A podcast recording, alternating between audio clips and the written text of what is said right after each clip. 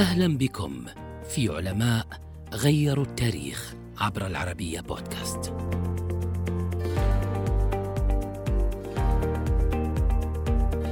اختراعاته مهدت لثورة في الصناعة الكهربائية حول العالم.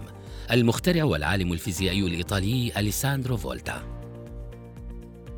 ولد في مدينة كومو الواقعة في شمال إيطاليا في العام 1745 وتلقى تعليمه في مدارس المدينة. قام بتدريس الفيزياء بالمدرسة الملكية في كومو وشغل كرسي رئاسة الفيزياء التجريبية في جامعة بافيا لما يقرب من أربعين عاماً. لفولتا العديد من الاختراعات إلا أن عمادها كان اختراعه البطارية الكهربائية وذلك في العام 1799 اختراعه هدم النظرية السائدة آنذاك بأن الطاقة الكهربائية لا يمكن توليدها إلا عبر الكائنات الحية وأثبت أنه يمكن توليدها كيميائياً فسر الآلية التي تعمل بها الكهرباء بعد اكتشاف التيار الكهربائي صدفة من قبل الفيزيائي الإيطالي لويجي جالفاني وقد أحدث ذلك ثورة في الصناعة الكهربائية حول العالم.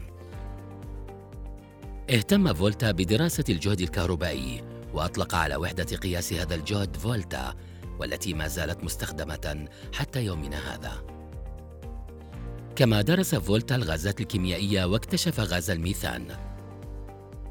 نال فولتا إعجاب الإمبراطور الفرنسي نابليون بونابرت ودعي إلى معهد فرنسا لإثبات وعرض اختراعاته أمام أعضاء المعهد كما منحه نابليون العديد من الأوسمة رغم الحضور الكبير لفولتا في المجتمع آنذاك وقربه من نابليون بونابرت إلا أنه عاش شبه منعزل خاصة في أواخر أيامه مفضلا البقاء مع أفراد أسرته.